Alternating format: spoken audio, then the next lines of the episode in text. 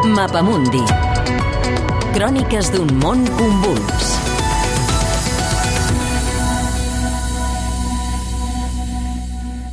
Daguestan. Dones contra la llei del silenci. És dissabte i al centre de la capital del Daguestan, Mahachkala, a la vora del mar Caspi, hi ha molta animació.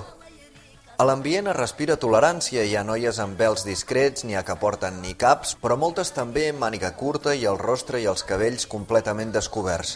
Es fan selfies i parlen amb les amigues al voltant de la pantalla del telèfon. L'escena, però, pot conduir a error.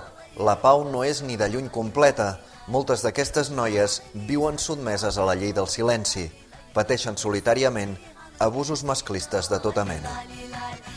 Maria Malieva, una blogger molt influent, va decidir fer un pas endavant. Si al principi el seu Instagram el dedicava a les tradicions del Caucas, ara és un fòrum amb més de 135.000 seguidors contra el silenci. Em vaig adonar que no en tenia prou fent només post estètics si podia ajudar en temes socials importants.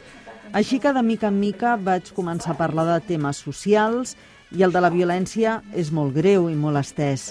Les noies que pateixen agressions o intents d'agressions no haurien de callar i han d'entendre que parlar-ne és molt important.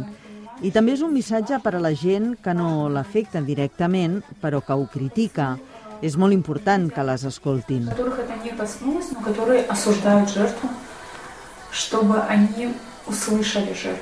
Ha publicat també dos llibres, No callis i No escoltis, el menjador de casa seva ens explica que si bé el problema de la violència masclista és mundial, en regions com Txetxènia o el Dagestan té les seves característiques. A Europa una dona no necessita el permís dels pares per divorciar-se. Al Dagestan, si la mare i el pare no et donen permís, t'has d'aguantar.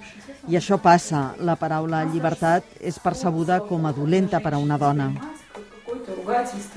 Les lectures extremistes de l'islam o la tradició de la llei del més fort que impregna la cultura del Dagestan han derivat en que conceptes com el de la violència psicològica contra les dones ni tan sols es contemplin.